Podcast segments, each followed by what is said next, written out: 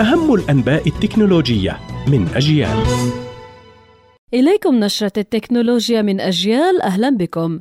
شركة جوجل الأمريكية العملاقة تعلن رسميا تغيير موقفها من العمل عن بعد لتنضم إلى قائمة متزايدة من شركات التكنولوجيا الكبرى التي تعود إلى سياسات ذهاب الموظفين إلى مكاتبهم. مؤكدة أهمية الحضور إلى المكتب لتعزيز الاتصال داخل مجتمع جوجل.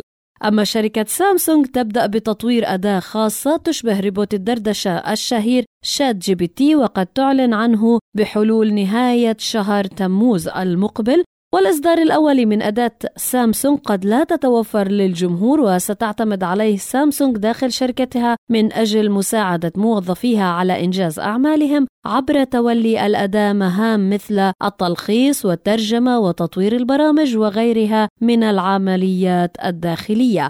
لاعتقادها أن الذكاء الاصطناعي يمكنه تقصير فترة تطوير البرمجيات وتصميم أشباه الموصلات بشكل كبير. مالك تويتر آيلون ماسك يعلن أن الشركة ستبدأ الدفع لمنشئي المحتوى الموثقين للإعلانات التي تعرض في ردودهم وستكون الكتلة الأولى للدفع نحو 5 ملايين دولار أمريكي وأشاد رائد الأعمال الشهير سابقا بالمستخدمين الذين يدعمون منشئي المحتوى في منصة التواصل الاجتماعي تويتر وأعاد تأكيد دعم المنصة لهم ماديا باحثون يطورون روبوتا حساسا للحرارة أطلقوا عليه اسم آندي وقالوا إنه يمتاز بقدرته على التعرق بغزارة حينما يكون الجو حارا في الخارج لتبريد نفسه تماما مثل البشر.